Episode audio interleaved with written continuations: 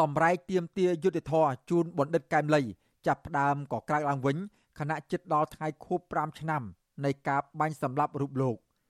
ប្រជាពលរដ្ឋមួយចំនួននាំគ្នាចែកចាយរូបថតនិងរូបភាពវីដេអូរបស់បណ្ឌិតកែមលី ការនៅមានជីវិតព្រមទាំងទស្សនៈរបស់លោកជាបណ្ដាបណ្ដាឡើងវិញ នៅតាមបណ្ដាញសង្គម Facebook ដើម្បីរំលឹកវីរភាពនិងរំលឹកគុណព្រមទាំងទាមទារយុត្តិធម៌ជូនលោកបណ្ឌិតកែមលី ដែលពួកគាត់ចាត់ទុកថា ជាវីរៈបរោះជាតិខ្មែរទាំងមូលមន្ត្រីជាន់ខ្ពស់ប្រព័ន្ធផ្សព្វផ្សាយនៃសមាគមបណ្ដាញយុវជនកម្ពុជាហៅកាត់ថា CYN លោកម៉ាចត្រា ដែលបង្ហោះរូបលោកបណ្ឌិតកែមលីជាញឹកញាប់លើកឡើងថាគិតកម្មលើអ្នកស្រាវជ្រាវការអភិវឌ្ឍសង្គមនិងជាអ្នកវិភាគនយោបាយដែលប្រជាពលរដ្ឋគោរពយ៉ាងជ្រាលជ្រៅរូបនេះគឺជារឿងសោកស្ដាយនិងក្រៀមក្រំយ៉ាងខ្លាំងបំផុតទោះបីជាពេលវេលាកន្លងផុតទៅ5ឆ្នាំហើយក្តី លោកម៉ាចត្រាក៏សម្គាល់ថា ក្នុងពេលបច្ចុប្បន្ននេះមិនទាន់មាននរណាហ៊ាននិយាយការពិតដោយលោកបណ្ឌិតកែមលីនោះទេ សកម្មជនការពីបរិស្ថានរូបនេះ បន្តទៀមទាឲ្យតុលាការរកយុត្តិធម៌និងបង្ហាញភ័ស្តុតាងឲ្យបានច្បាស់លាស់ដើម្បីឲ្យសាធារណជនអស់ចិត្ត ខ្ញុំនៅតែចង់ឲ្យរដ្ឋាភិបាលរកយុត្តិធម៌ឲ្យគាត់ហើយរកយុត្តិធម៌ហ្នឹងអ្វីដែលផ្ដោតសំខាន់នោះខ្ញុំចង់ឲ្យតឡាការហ្នឹងបង្ហាញវីដេអូដែលនៅម៉ាតហ្នឹងបង្ហាញឲ្យសាធារណជនបានឃើញឲ្យច្បាស់ថាអ្នកណាឲ្យប្រកាសព្រោះតាមដែលវីដេអូដែលធ្លាប់បែកធ្លាយឬក៏ធ្លាប់បង្ហាញពីមុនមកហ្នឹងយើងមើលវាដូចជាវីដេអូមិនច្បាស់លាស់បាទអញ្ចឹងជាយុត្តិធម៌ព្រោះកន្លងមកជំនាញថាករណីផ្សេងផ្សេងទៀតវីដេអូតាមកាមេរ៉ាសុវត្ថិភាពហ្នឹងត្រូវបានផ្សព្វផ្សាយច្បាស់ច្បាស់ណាស់ដោយឡែកទៅរឿងលោកនៅតែមលីមួយហេតុអីក៏វីដេអូនឹងហាក់សពិចសពិលស្រដៀងគ្នានេះព្រះសង្ឃមួយអង្គដែលតែងតែជឿឆ្អាលបញ្ហាសង្គមនយោបាយនិងធនធានធម្មជាតិគឺប្រដេជគុណបូបេត មានថេរដីកាថាយុទ្ធធរសម្រាប់បណ្ឌិតកែមលី និងក្រុមគ្រួសាររបស់លោក នៅឆ្ងាយដូចជើងមេឃដោយសាររយៈពេល5ឆ្នាំមកនេះឃាតករពិតនិងអ្នកនៅពីក្រោយខ្នងនៃការបាញ់សម្លាប់បណ្ឌិតកែមលី មិនទាន់ត្រូវបានយកមកផ្ដន្ទាទោសតាមច្បាប់នោះទេ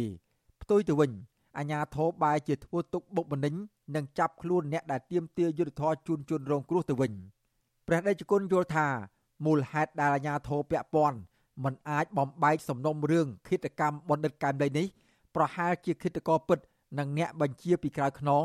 មានអំណាចនិងមានឥទ្ធិពលលើអ្នកអនុវត្តច្បាប់ដូច្នេះហើយ សំណុំរឿងនេះអាចនឹងត្រូវកប់ចោលដោយសំណុំរឿងឃាតកម្មលើបុគ្គលល្បីៗនិងអ្នកស្នេហាជាតិផ្សេងផ្សេងទៀតដែរ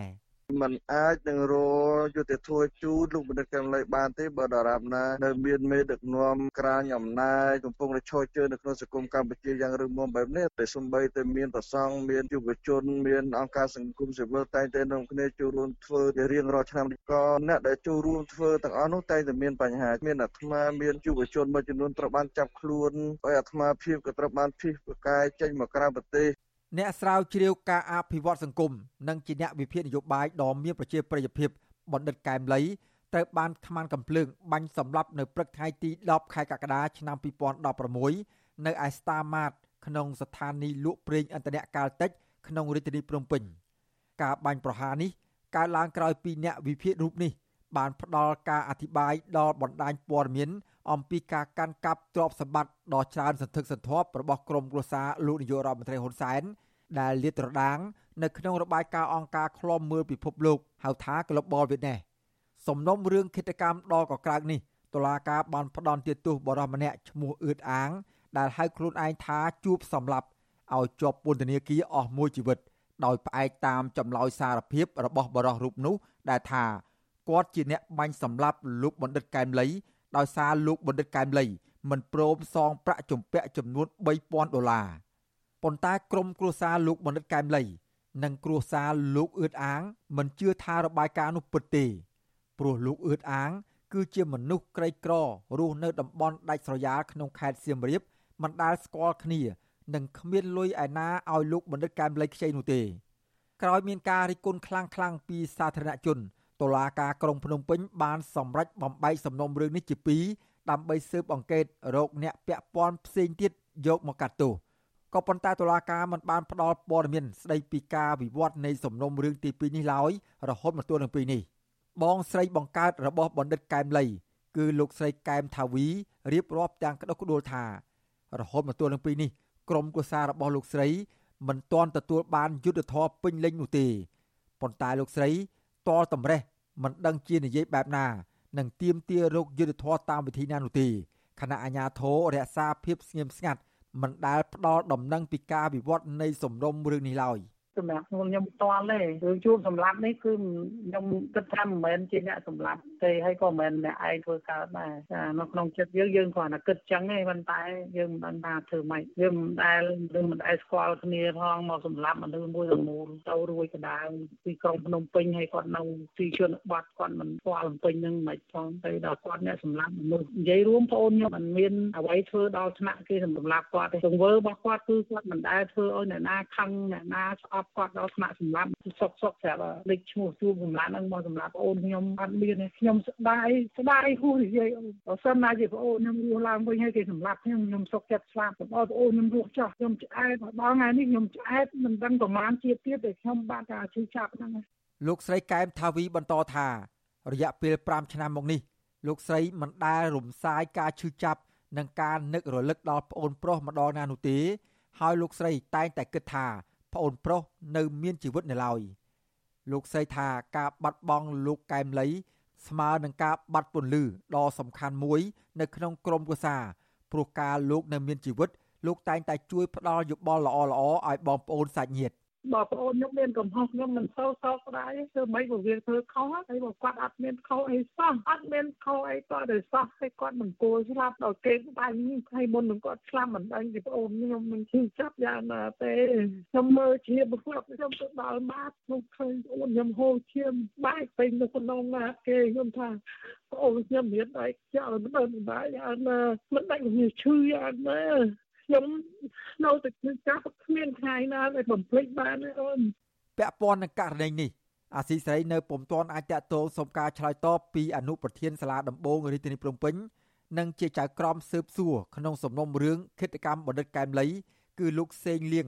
និងអ្នកនាំពាក្យក្រសួងយុទ្ធភ័ពលោកជិនម៉ាលីនព្រមទាំងអ្នកនាំពាក្យអគ្គស្នងការនគរបាលជាតិលោកឆាយកឹមខឿនបានទេ